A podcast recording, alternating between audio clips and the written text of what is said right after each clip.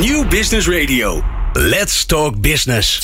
Met nu People Power met Glen van der Burg. People Power is een programma over de kracht van mensen in organisaties. Met interviews en laatste inzichten voor betere prestaties en gelukkige mensen. Deze week gaat Glen van der Burg in gesprek met... Rieneke Heining, senior L&D. Oh, wat prachtig al die afkortingen. L&D professional bij bol.com. En Harm Jans, hij is director People and Organizational, Organizational Development. Oh, wat een mond vol zeg, bij bol.com. Als mensen de organisatie zijn, dan is organisatieontwikkeling mensontwikkeling.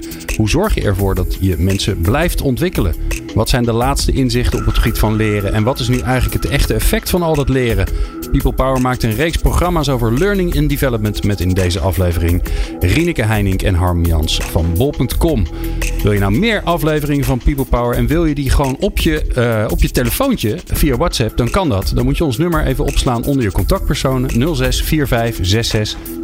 45 66 7548. Stuur ons een berichtje met je naam en podcast aan. Dan sturen we de nieuwste afleveringen direct zodra ze online staan. En we zijn heel blij, want we zijn al over de 200 abonnees heen. Alleen al via de WhatsApp, dus dat is hartstikke mooi. Um, en wat we ook leuk vinden natuurlijk, is als je laat weten wat je er allemaal van vindt. En als je tips hebt uh, van mensen waarvan je zegt, nou die willen we echt heel graag horen, dan kan dat natuurlijk allemaal via de WhatsApp service. Wil je dat niet, maar wil je andere manieren om uh, te luisteren naar People Power, ga dan naar peoplepower.radio. Die vind je alle mogelijkheden via alle podcastkanalen daar. Ik vind het in ieder geval bijzonder fijn dat je luistert naar People Power. People Power met Glen van den Burg. Rieneke Heining en Harm Jans van bol.com in de studio. Ja, is toch een beetje gek. Jullie zijn van bol.com. Het is een soort een soort niet, niet bestaand virtueel ding waar je, waar je op knopjes drukt en dan komt er binnen veel te weinig tijd staat er ineens iemand voor de deur die komt afleveren wat je besteld hebt. En nu zijn jullie er gewoon. De, ver, de verpersoonlijking van, uh, van bol.com. Leuk dat jullie er zijn. Welkom. Dankjewel. Thanks. Um, maar niet alleen dat. Uh, wat ik ook vaak toch hoor uh, als ik met, nou ja, met HR-specialisten, met HR-managers praat over de snelle ontwikkelingen die er zijn. En alles wat er, nou ja, uh, aan werving en selectie, maar ook leren en ontwikkelen. Dan komen jullie ook vaak langs als een goed voorbeeld. Dus dat, uh, om maar gelijk de lat even hoog te leggen. Fijn, uh, fijn om te horen. Ja, hè? fijn hè? Um, ja, Rieneke, eigenlijk bij jou beginnen. hele eenvoudige vraag. We hebben het over learning and development. In ieder geval, daar gaat deze reeks over. Waarom is dat voor jullie nou zo belangrijk? Zonder leren bestaan wij denk ik niet. Dat is zo integraal verbonden bij bol.com en bij de geschiedenis van bol.com als bedrijf dat zo snel groeit en dat staat of valt bij onze ondernemende cultuur. En hoe kan je ondernemer zijn? Ja, door risico's te nemen, door dingen te proberen, door fouten te maken en dus te leren. Dus ja, leren is bijna, zou ik zeggen, naast al die mooie spullen verkopen, de core business van ons bedrijf. Oké. En merk je dat dan ook aan de, aan de, aan de positie die jullie hebben in de organisatie? Hè? Want om even heel flauw te zijn, is dat ook een van de vraagstukken vaak die, die human resources mensen hebben. Dat ze zeggen, ja, we zitten niet aan tafel en we mogen niet mee beslissen. En als er strategische besluiten genomen worden, dan, uh, ja, dan mogen wij, als het allemaal besloten is, mogen we aan de uitvoering werken. Is dat bij jullie dan anders?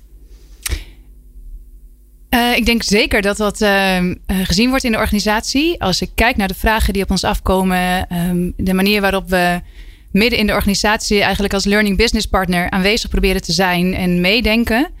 Um, ja, dan, dan, dan is dat ook wel practice what we preach. Um, maar wat ook heel tof is, juist, is dat ook heel veel decentraal in afdelingen gebeurt. Dus heel veel gaat ook wel vanzelf, zonder okay. ons. Ja, het ja. zou ook gek zijn als dat niet zo zou zijn. Gelukkig maar, als je ja. zegt, ja, leren is eigenlijk onze core business. Als wij niks doen, dan gebeurt er niks. Ja, ja dat, dat zou een beetje gevaarlijk worden. Um, Harm Jans, wat ik altijd leuk vind om, om, een, om een gevoel bij te krijgen... is uh, hoe, hoe is het om bij jullie te werken? Hoe voelt dat? Ja, nee, jij zei net, bijvoorbeeld misschien... Hè, dus het zijn allemaal knopjes en... Uh, ik, had, ja, ik werk 11 jaar bij Bobcom. Dat is, dat is lang voor uh, het bedrijf bestaat 20 jaar ja, ik heb daar ooit gesolliciteerd. Toen dacht ik ook, oh ja, ik ben wel klant. En het is een site. Um, ja, hoeveel mensen zouden daar dan werken? Weet je wel, zijn dat gewoon twee mensen ergens op een zolderkamer? Of uh, het bleek toen al iets van honderd mensen te zijn. Ja, daar gaat er gewoon heel veel achter schuil wat je gewoon uh, ja. ja. ook niet ziet natuurlijk.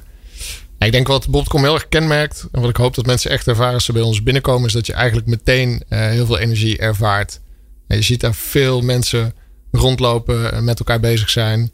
Iemand, uh, iemand heeft wel eens tegen me gezegd, joh, bij Bobcom lopen mensen net iets sneller dan in uh, andere bedrijven. Ik zie het gewoon, ik zie het fysiek tempo ook gewoon. echt. Ja, echt. Ja. Ja. Ja, het dus zou die, eh, grappig zijn om als, als een soort uh, uh, organisatiecultuurmeting. Ja. Dat je gewoon alleen maar meet hoe snel mensen... Gewoon het, loop, het looptempo. ja, precies. Gebeurt, gebeurt er een beetje wat in dit Ja. bedrijf. Nee, maar ik denk echt dat je dat... eh, ja, dat kun je echt voelen als je bij ons, eh, bij ons binnen bent. Dus dat tempo zit er gewoon, eh, zit er gewoon heel erg in. Ja, wat Rineke al zei. Het is al twintig jaar een ontzettende ontdekkingstocht. En dus, dus heel veel van wat we hebben gebouwd... is inmiddels ook al wel weer anders. En dus je begint met met online boeken en cd's. Maar dat zijn inmiddels alweer e-books en eh, Spotify geworden of uh, podcast. Weet je? Dus dat, dat, dat verandert zo snel. Dus je moet continu um, het businessmodel. Dus hoe kunnen we bestaansrecht hebben eigenlijk uh, in Nederland en België, moet je heruitvinden. Ja, en dat betekent ook dat je jezelf als organisatie, als groep mensen, moet je ook continu weer opnieuw uitvinden. En voelen jullie dan ook de druk van buiten? Want uh, Amazon heeft het een keer geprobeerd hè, in Nederland. Uh, niet gelukt. Ik neem, ik neem aan dat ze niet weg zijn gegaan omdat het zo fantastisch ging. Nou ja, ze zijn uh, ook niet weg eigenlijk. Hè? Dus, dus... Ja, er is geen .nl. Hè? Je moet in Duitsland bestellen. Ja, dus... Dat is toch een beetje gek. Ja. Kan je toch beter bij het oude Hollandse bol.com. Dat heeft toch wel een, een, een fijner gevoel. Maar, maar voel je wel... Het is natuurlijk wel een business waar, waar hele grote spelers in zitten. Ja. Ja, die, uh, die, de, die ook op een moment ervoor zouden kunnen kiezen van... nou, dat Nederlands is toch eigenlijk wel leuk. Laten we, laten we maar eens even da daar ook naar binnen stappen. Echt naar binnen stappen. Ja, ja we hebben een collega van ons, John Lin, is half Nederlands, half Chinees. Hij heeft ons een tijdje geleden meegenomen in een perspectief van wat er in China bijvoorbeeld gebeurt. Zegt ja, dus let op dat je niet blind staat op wat Amazon in de VS aan het doen is. kijk eens naar het oosten en kijk eens wat daar gebeurt. Mm. Hoe snel daar winkelen verandert. Dus hoe snel daar een beweging komt van eigenlijk heel, een heel groot aantal kleine ondernemers. Eh, die allemaal ineens mee kunnen doen in een digitale wereld. Um, waar in dit geval nou, bijvoorbeeld een, een, een, Alibaba heel hard aan trekt. Ja, dat zie je natuurlijk. Die vertaalslag kun je nog best maken naar Nederland. Hè? Dus hoe goed lukt het ons eigenlijk om, om ondernemers in het Nederlandse retaillandschap te betrekken in de, in de digitale wereld? En daar ligt voor een heel groot gedeelte de uitdaging ook voor, uh, voor Bob.com. Ja.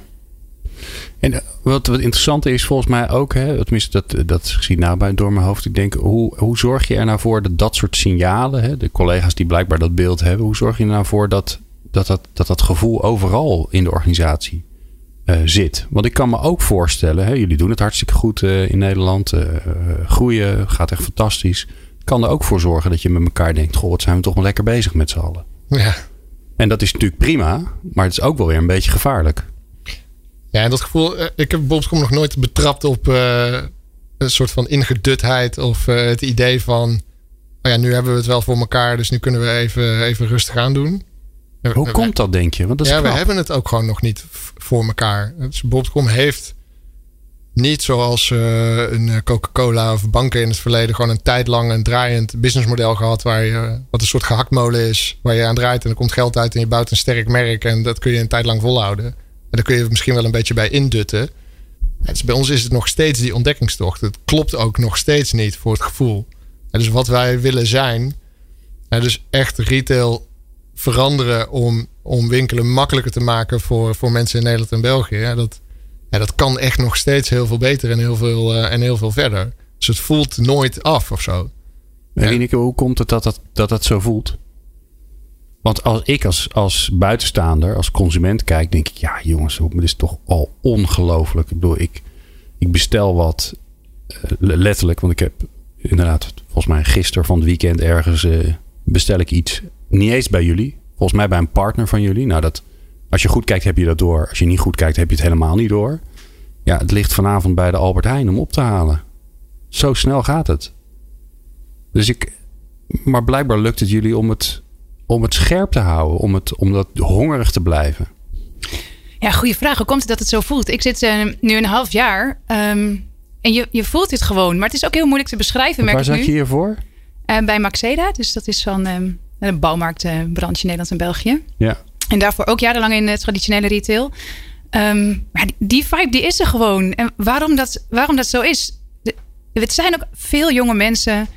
Um, die houden van knallen en met elkaar gewoon ergens voor gaan. En die, dolgraag willen bijdragen aan, aan die groei en aan hoe onze CEO dat ook noemt. Hè? Je zit in de Champions League van de e-commerce en dat is gewoon super gaaf om dat met z'n allen te doen.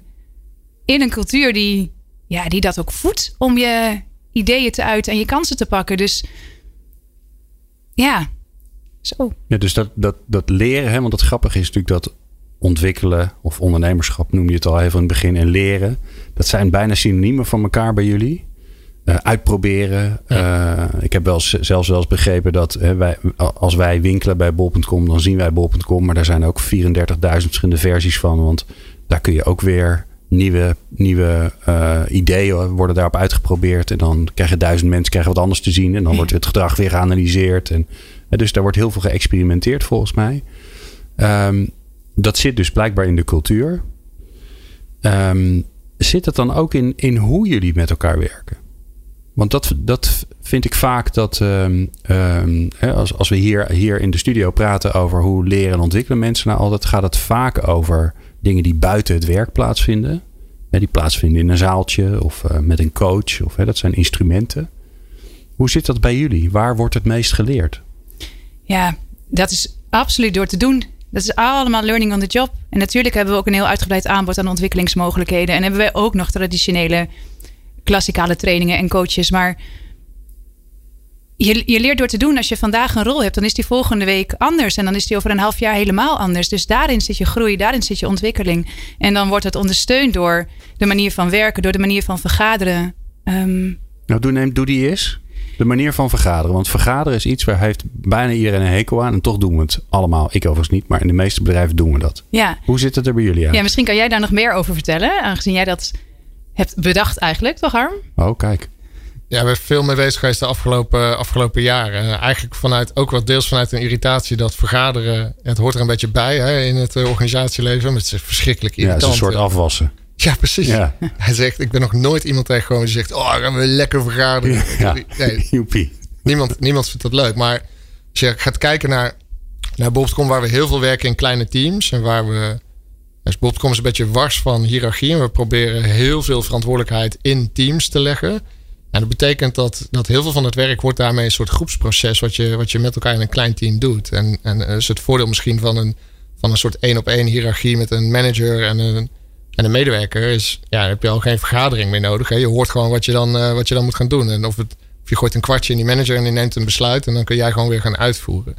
Dus als je meer als groep uh, eigenlijk je werk gaat besturen. Dus je bent als team ben je verantwoordelijk voor een doel. En je kan ook als team besluiten gaan nemen. Dan moet je dat ineens gaan regelen met elkaar. Ik weet niet of je wel eens in een, uh, in een commissie van een sportclub hebt gezeten. Of uh, vergadering van... Expres niet. Vereniging van eigenaars of zo. Weet je wel? Van die, van die groepsettingen waar je dan samen moet beslissen. Maar er is eigenlijk niemand de baas of zo. Weet je wel? Dat is wel echt zo'n mooi recept om er eindeloos lang over te doen. Dat is verschrikkelijk. Maar wij, wij hebben dat dus wel nodig. Als je echt als team dus zelf je werk wil kunnen besturen. En dan zul je dus ook moeten leren hoe je samen besluiten neemt. Hoe je samen echt je werk bestuurt. Dus meetings bij Bob.com zijn heel erg gericht op hele heldere doelen. Elke week kijken hoe goed zijn wij onderweg naar het doel. Data erbij pakken. Zorg dat je dat meetbaar maakt. En dat moet eigenlijk wat wij noemen de sparks. De nieuwe ideeën en de problemen waar je tegenaan loopt naar boven halen. In het hele team. En iedereen in het team is dan betrokken. Eigenlijk om te zeggen, als ik nu kijk naar hoe het gaat dan heb ik daar dit nieuw idee bij. Of, en dan hebben we eigenlijk dit probleem. Dan kunnen we het eens hebben over hoe we dat probleem kunnen wegnemen. En dan betrek je eigenlijk iedereen bij eigenlijk het, ja, het voeden van het team met een soort brandstof. Dat kunnen dus ideeën zijn, maar ook problemen waar je tegenaan loopt. En om die om te zetten in continue verbeterstappen. En dat is eigenlijk waar onze werkstructuur heel erg op eh, ingericht is. Nou ja, dat zou je een soort agile manier van werken kunnen noemen het, is ook, uh, ja, het zorgt er echt voor dat je iedere medewerker, echt iedereen in de organisatie uh, betrekt. En dat je dus kan intappen ook op de, op de potentie van iedereen. En als je gaat kijken naar innovatie en waar, komen, waar moeten dan ideeën vandaan komen. En die komen echt niet uit die uh, zes of zeven mensen die in de top van het bedrijf zitten. Die ideeën die gaan overal eigenlijk in die organisatie schuil. En de truc is om daar op in te kunnen tappen. En dan ook nog eens echt werk van te kunnen, te kunnen maken. Dus het vereist ook nog wel wat, wat discipline. En daar, daar geloof ik echt in dat als je dat, uh, als je dat kan doen als organisatie. En dan maakt het eigenlijk ook niet meer uit dat je uh, groeit. En dat je dan kan zeggen, hey, hoe grote organisatie wordt over het algemeen steeds, steeds iets slomer, stroperiger.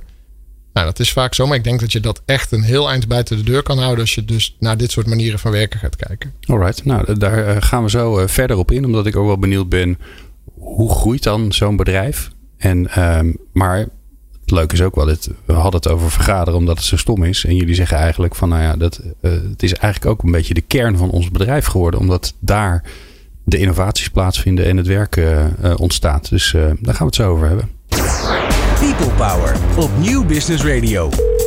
Ik ben Mark Jansen, senior medewerker Learning and Development bij Paresto, de cateraar van het ministerie van Defensie. En in mijn organisatie verdwijnt elke mist en de lucht wordt steeds blauwer, omdat ook ik luister naar People Power. Meepraten of meer programma's? people-power.nl Rieneke zit te lachen om de jingle, maar ik moet er ook elke keer om te lachen.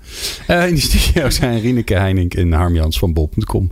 En we praten over, uh, over hun mooie bedrijf. En uh, het, grappige is wel, we hebben het over learning and development. Maar ondertussen gaat het alweer over, stiekem ook wel weer over hele andere dingen. We hebben het al een beetje over de organisatiecultuur gehad. En net waren we beland bij, um, ja, bij, bij hoe het dan in elkaar zit.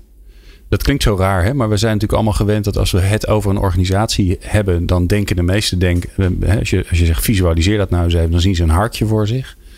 Met uh, nog wat zijtakjes en dat is dan de staf, maar dat is het dan wel. Hoe, hoe zit het bij jullie?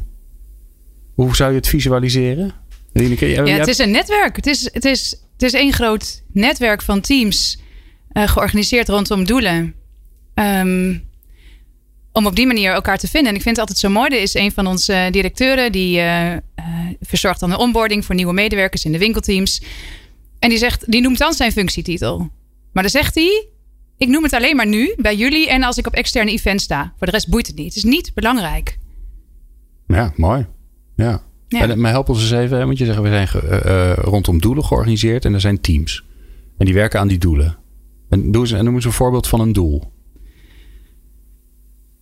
Ja, misschien ons. Ja, uh, zeggen, je mag geholpen worden, want je bent al zeker zes maanden in dienst. Yeah. Hè? Dus je bent al heel erg ervaren. Ja, nee, we zijn er zoveel namelijk. ja, je moet welke, kiezen. Ja. Jij zit ook naar boven te kijken van welke zal ik nemen. Ja. ja het zijn, een bedrijfsbond komt natuurlijk veel doelen. Hè? Dus het gaat. Dus eigenlijk zie je. Dus Bond.com zou je kunnen zeggen is, is, is hiërarchisch georganiseerd, maar dan is het meer een soort hiërarchie van doelen. Hè? Dus ons, ons hoogste doel eigenlijk is: we willen, we willen retail veranderen om het dagelijks leven van onze klanten makkelijker te maken. Nou, dat betekent bijvoorbeeld um, dat bol.com zich steeds meer hervormt naar een, uh, naar een platform. Hè? Dus van een winkel naar een, naar een platform. Dus dan zou je ook kunnen zeggen, nou, dan heb je een heel aantal doelen zijn gericht op nou ja, het, het, bouwen van dat platform bijvoorbeeld. Maar goed, gemak voor uh, klanten bieden betekent bijvoorbeeld ook gemak in bezorgen. Hè? Dus zo zijn er teams zijn bezig met Select, ons bezorgabonnement. Dus heb je voor 10 eh, euro per jaar, word je eigenlijk helemaal ontzorgd op alles rondom eh, bezorging. Dus mag dezelfde dag bezorgen, avondbezorging, zondagbezorging zit er allemaal, zit er allemaal in.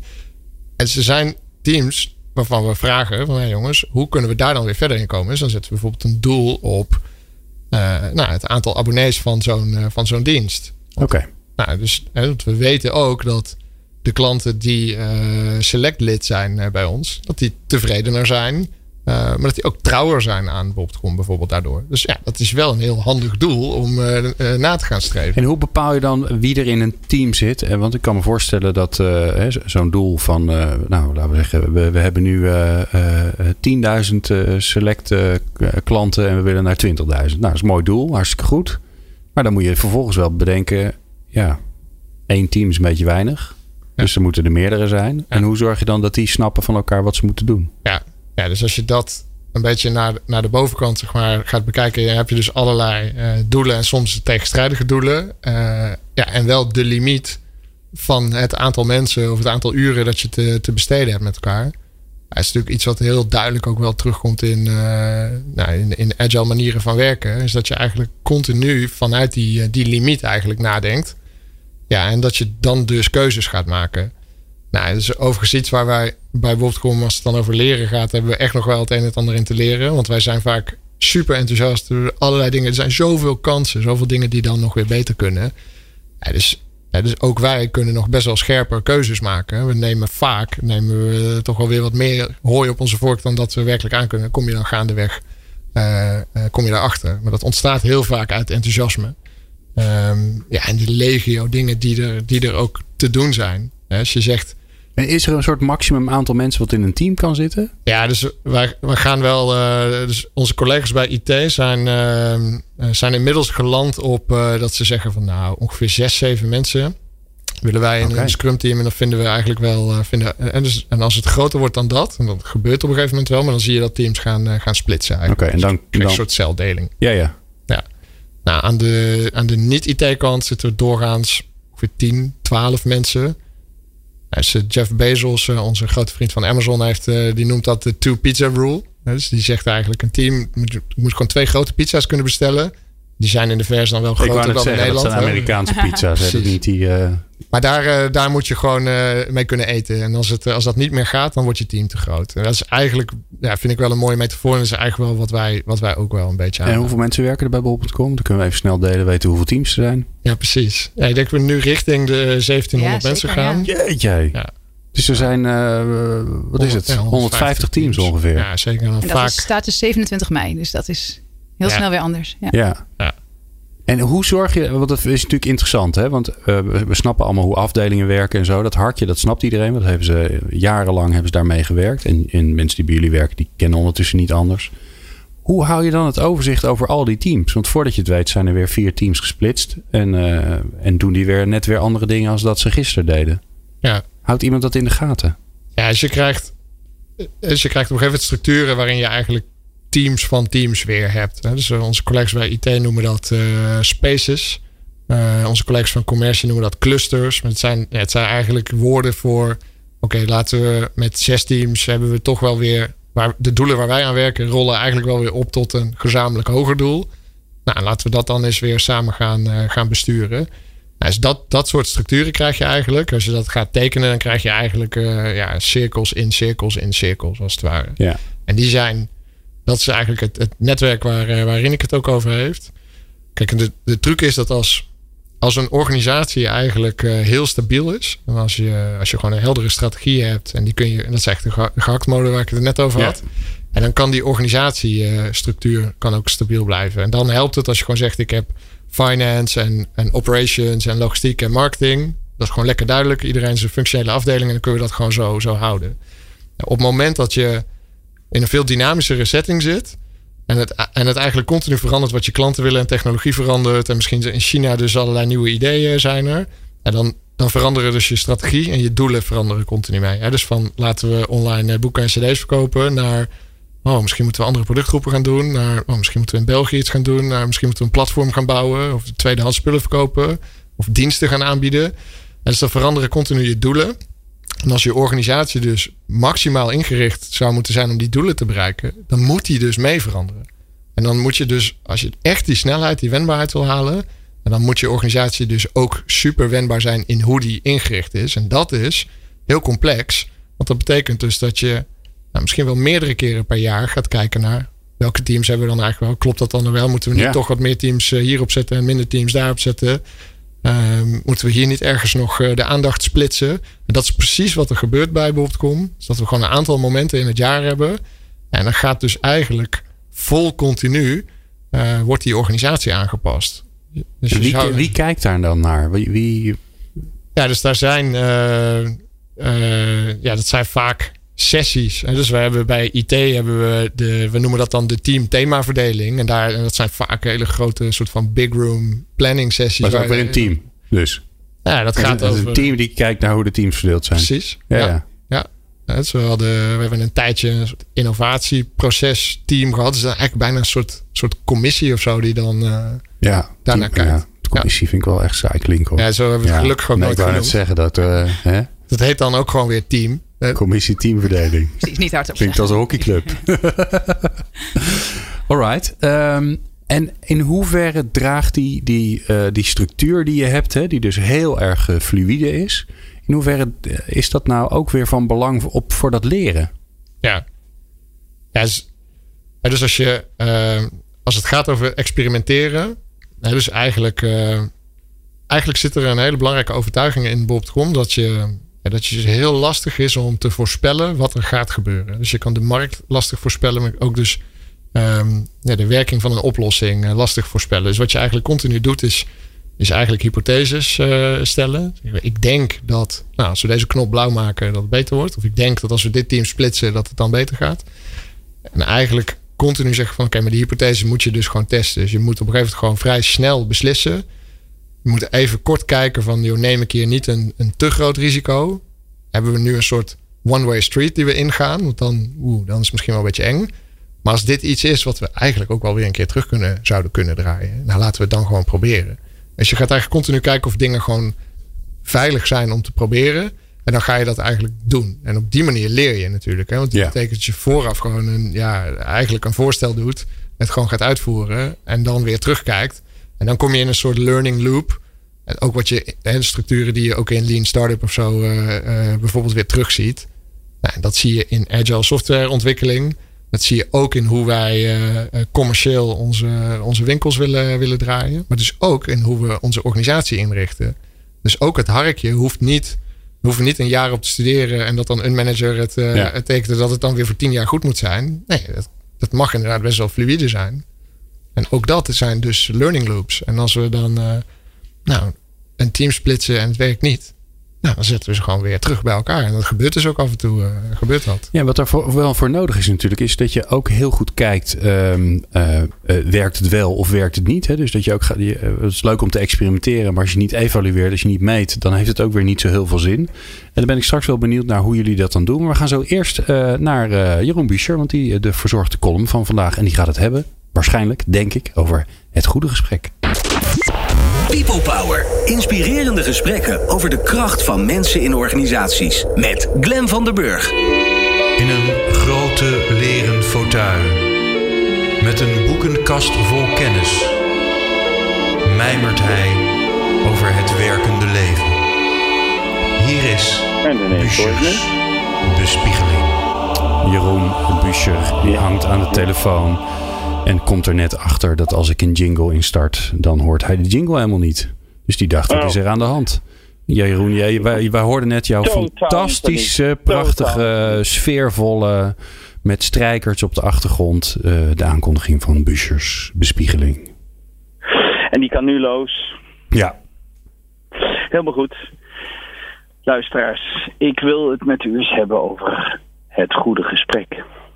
Ik hoor die term namelijk de laatste tijd steeds vaker. Het goede gesprek. Volgens mij wordt het geschreven met hoofdletters. De stem van degene die het uitspreekt daalt ook, is mij opgevallen op het moment dat hij het goede gesprek. Zachtjes op de achtergrond hoor je een haardvuur knapperen. De strijkers dienen zich aan ik weet nooit zo wat dat is met hypes, maar blijkbaar hebben wij daar behoefte aan. En ik zal er zelf een onderdeel van zijn. Maar als ik een term of woord te vaak langs hoort komen, ik weet niet wat het is, het zal wel mijn naargeestige aard zijn, dan ontstaat er direct een soort weerstand. En ik kan het nog beargumenteren, ook heb ik begrepen in de voorbereiding van deze column tegen dat goede gesprek. En volgens mij wordt daarmee bedoeld het goede gesprek tussen leidinggevende en medewerker. Daar heb ik wat bezwaren tegen, merk ik. Het eerste bezwaar is namelijk dat ik heb in mijn leven vele goede gesprekken gehad. En die hebben mij ook heel erg geholpen. Goede gesprekken met professionals, maar ook met onverwachte mensen, vrienden, familie, mijn partner. En die goede gesprekken, die hebben mij altijd een licht geschonken op mijn dode hoek. En die hebben mij verder geholpen. In uh, de vorige aflevering van People Power Change, hè, voor mij een uur geleden, voor u een andere podcast. Daar, daar zien we een professional aan het werk. En die laat ook zien hoe, welke kracht dat goede gesprek kan hebben. Maar wat we ons niet lijken te realiseren, is dat goede gesprek altijd ontstaat op het moment dat je niet verwacht. En dat het altijd open is. En dat wil zeggen, mijn gesprekspartner had geen bedoeling. Die wilde mij niet iets laten inzien, die wilde mij niet tot iets dwingen. Die had gewoon een gesprek, die vroeg mij iets. En samen of alleen kwamen we tot nieuwe inzichten. En wat we steeds weer blijken te vergeten is dat een leidinggevende heeft nooit zomaar een gesprek met mij. Mijn leidinggevende heeft namelijk een belang bij mij. En dat mag u ook met hoofdletters schrijven. Een belang. En dat belang is dat ik goed functioneer. Dat ik bijdraag aan de productiviteit van onze organisatie. Misschien zelfs het belang dat ik goed in mijn vel zit. Maar die begint dat gesprek niet zomaar. Die begint dat met een bedoeling. Die wil ergens naartoe. En dat betekent dat ik bij elke vraag van mijn, mijn uh, uh, leidinggevende denk: waarom vraagt zij dit? Wat wil ze van mij? Waarom wil ze dit weten? Waar wil ze naartoe? En dat verhindert mij om werkelijk te luisteren naar wat zij zegt en wat ik zeg. En werkelijk het goede gesprek aan te gaan. Dat was bezwaar 1. Maar bezwaar 2 vind ik misschien nog wel verder gaan het goede gesprek kunnen voeren, intentioneel, van tevoren bedacht, dat is een kunst, dat is een ambacht. Dat kan niet zomaar iedereen. Luister naar de vorige aflevering van People Power Change, waar we een professional aan het woord laten die dit tot een kunde heeft gemaakt. En dat is niet zomaar iets. Het goede gesprek vraagt werkelijk open zijn, echt kunnen luisteren, niet oordelen. Benieuwd zijn naar welke nieuwe inzichten de ander je gaat brengen en niet je eigen gelijk opdringen. En dat is heel erg moeilijk. Dat vraagt oefening en dat vraagt werkelijk bereid zijn zelf te leren hoe je naar de wereld kijkt. Ik zeg niet dat ik goed in staat ben tot het goede gesprek, want dat is nogal wat om te kunnen. En nu gaan wij ineens in onze organisaties van al die leidinggevende vragen dat ze die kunnen zomaar beheersen. Vaak zonder opleiding, want ze waren gewoon het beste meisje van de klas en konden daarom wel leiding geven. Ik vind dat we ze daarmee onder druk zetten en iets vragen wat ze niet kunnen. En u weet het, hè, dilettantisme, als mensen iets gaan doen wat ze eigenlijk niet kunnen, daar komen de verschrikkelijkste dingen van. Niet doen. Het goede gesprek, dames en heren, ik weet het niet. Het goede gesprek is gigantisch belangrijk. Maar volgens mij is die hele hype rond het goede, gesprek typisch een voorbeeld van waar de middelen, de doelen wederom weer eens aan het overwonkeren zijn. Het doel is dat medewerkers in staat zijn om af en toe de tijd stil te zetten. Eens na te denken wat ze nou echt mooi vinden. Wat ze echt leuk willen. Wat ze echt goed kunnen. En waar ze echt een bijdrage in zouden willen leveren. En dat is belangrijk voor hedendaagse professionals. En dat wens ik iedere professional toe. Maar om krampachtig tussen 4 en 5 op vrijdagmiddag met mijn leidinggevende aan een eng bureautje met slechte cappuccino het goede gesprek te hebben. En nog wel met hoofdletters. Ik weet het niet hoor. Jeroen, dankjewel. Dit was weer fantastisch, want ik kan je echt nou, ik durf wel te zeggen dat in 75% van alle afleveringen van People Power naar voren komt dat het goede gesprek zo belangrijk is. Of het dappere gesprek, of het, nou ja, hè, geef er maar. Ik wens jullie in de rest van de uitzending heel veel geluk met jullie. Ja. nou, vandaag is het nog niet naar voren gekomen, dus dat is, uh, dat is zeer hoopvol. Ja. Dankjewel, Jeroen. Wil je nou uh, meer uh, afleveringen van de column van Jeroen Busje horen? Dan kan dat. Ga dan naar peoplepower.radio. Dan klik je op de columnisten en dan hebben we ze allemaal netjes bij elkaar gezet voor je.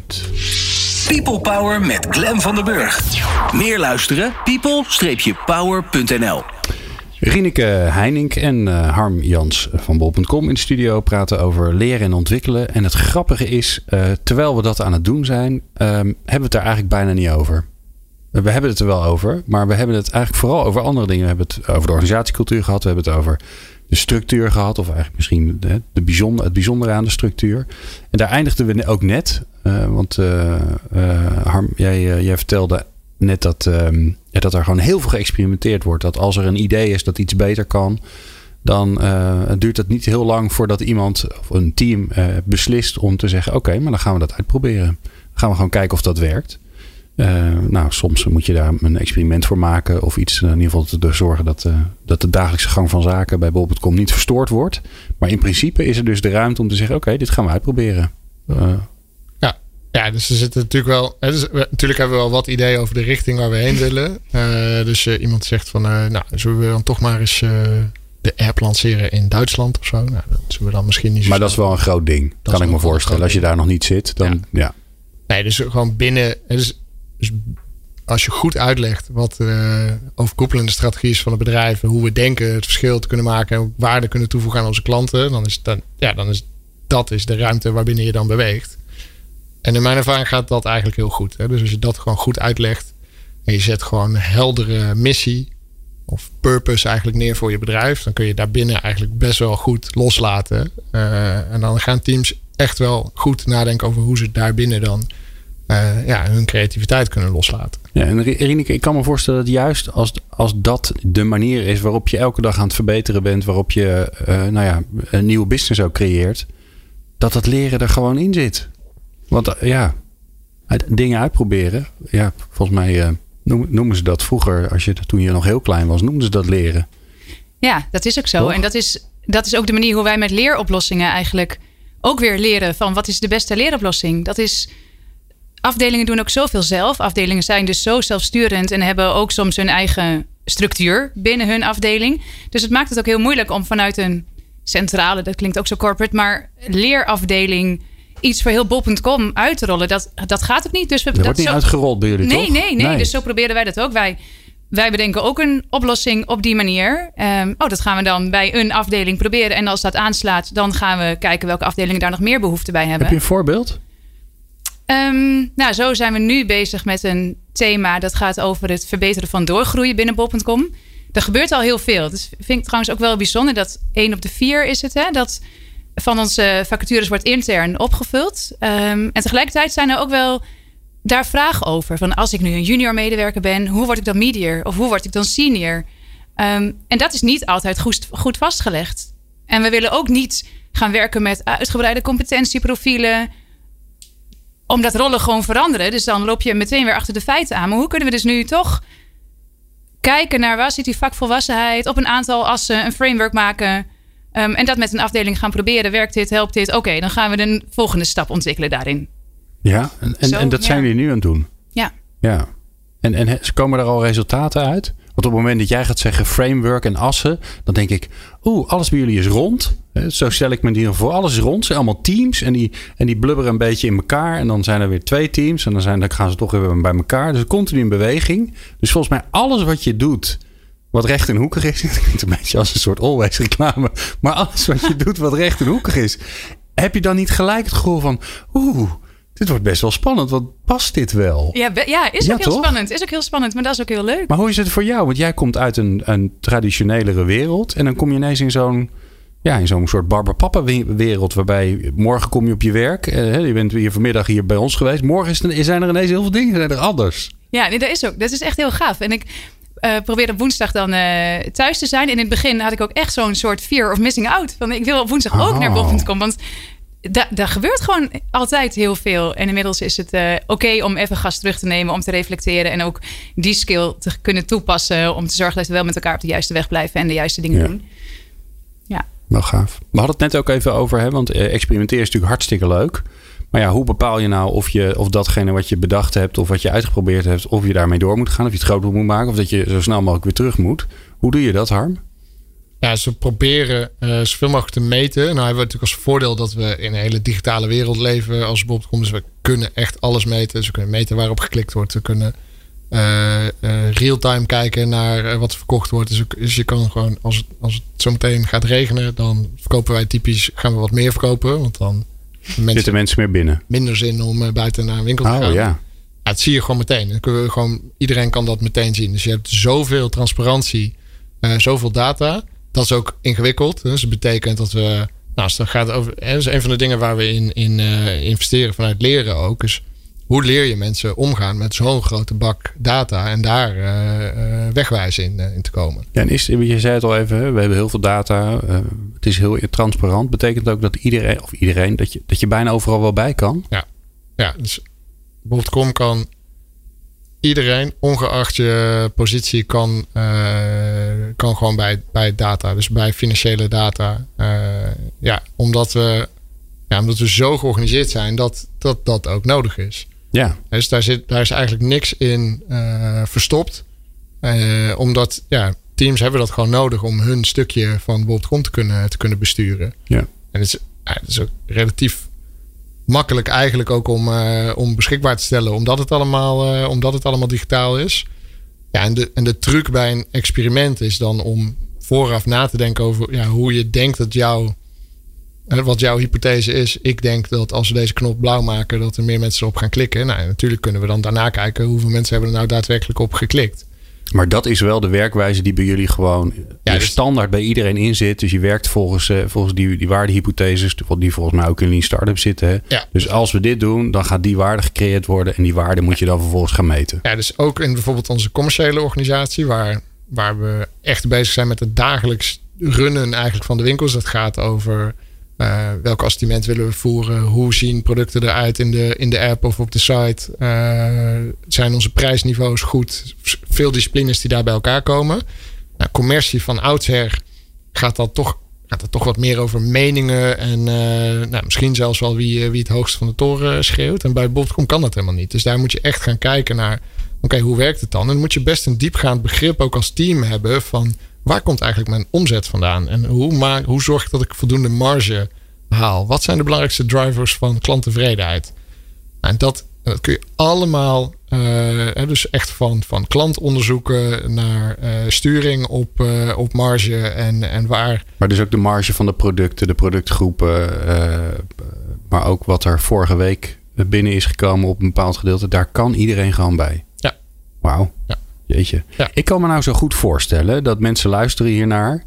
Eh tenminste, dat hoop ik altijd. En gelukkig hebben wij ook statistieken. Dus wij weten ook dat er daadwerkelijk mensen op play drukken. Ehm, en dat die dit horen en die denken... Ja, het is fantastisch. Maar wat kan ik hiermee? Want bij mij is het zo anders. En ik denk, Rieneke, jij... Omdat jij, jij komt uit, eh, uit een traditionelere wereld. Je zit nu een half jaar bij bol.com. Geef de luisteraars nou zo'n advies. Als die denken, oh wauw, dit, zou, dit, zou, dit, dit willen wij ook. Maar die, je snapt volgens mij ook... Ja, van A naar B in één keer, dat is onmogelijk. Wat kunnen ze nou doen? Wat kunnen mensen nou doen om dingen uit te gaan proberen? Om, om te zeggen, nou weet je, dit stapje. Dan, dan, dan word je een beetje meer bol.com.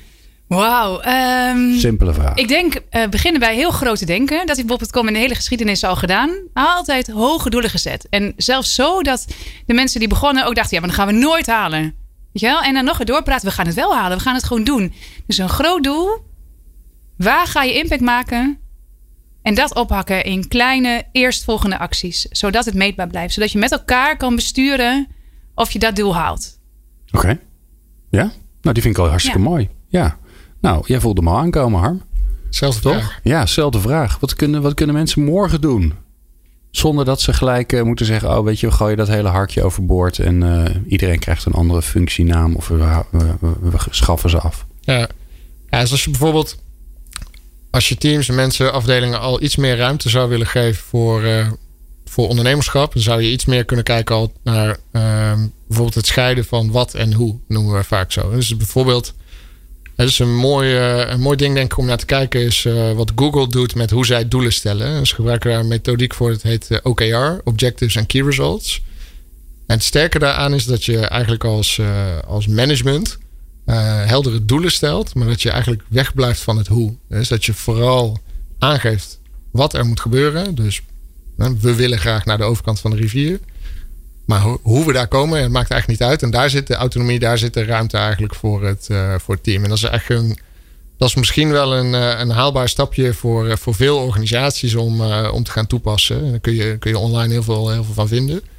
En het zit heel erg in het agile denken. Maar ja, dat zit ook heel erg verweven met hoe een bedrijf als Google bijvoorbeeld werkt. Nou, bij Bob.com is dat echt nou, bijna een soort van heilig principe. Dus dat je het wat en het hoe eh, moet scheiden. Want daarmee creëer je een situatie waarin je ja, toch wel kaders kan stellen in je organisatie. Door slimme doelen te stellen. Maar ook heel veel autonomie, heel veel creativiteit bij mensen en teams kan, eh, kan En laten. daardoor dus heel veel snelheid. Ja. Nou, ik kom een keer meten hoe snel mensen wandelen bij jullie. Alleen maar slanke mensen natuurlijk, want die wandelen zich helemaal rot door de wandelgangen eh, met elkaar. Ik, eh, ik heb er enorm van genoten. Ik vond het super leuk dat jullie hier waren. Eh, je hebt geluisterd naar Rieneke Heining en Harm, Jan Bol, Harm Jans van bol.com. Ik begin je al een achternaam. je, wordt, je hebt een nieuwe achternaam gekregen, eh, eh, om van jullie te horen hoe, ja, hoe dat dan in zo'n in zo'n totaal andere organisatie dan, dan wat we regulier langs krijgen gaat. En ehm, volgens mij zijn we nog niet klaar. Dus we gaan jullie gewoon gezellig over een tijdje terugvragen. Um, dus dank daarvoor. Uh, in de volgende aflevering, dat sluit ook wel weer een beetje aan. Want uh, daar komen Ellie Ploemen. Zij is de HR-directeur van Achmea. En Maaike Blanchard. Zij is de HR-projectleider van Achmea. Die komen langs. En die komen praten over het afschaffen van hun beoordelingscyclus. En dat is al best wel spannend. Maar er is ook iets heel moois voor teruggekomen. Wat helemaal niet lijkt op een beoordelingscyclus. Dus heel veel mensen denken dan, oh ja, voor het een komt iets anders terug. Maar dat is helemaal niet zo. En ik heb een beetje voorkennis, want uh, ik heb al een bijeenkomst met ze mogen doen waarin ze dat hebben verteld. Dus uh, uh, dat hoor je de volgende keer in People Power. Kun je nou niet wachten, dan hebben we nog 235 afleveringen die je kunt luisteren. Dus dan heb je nog wat te doen van de week. werk ze. Meepraten, meepraten of meer programma's? people-power.nl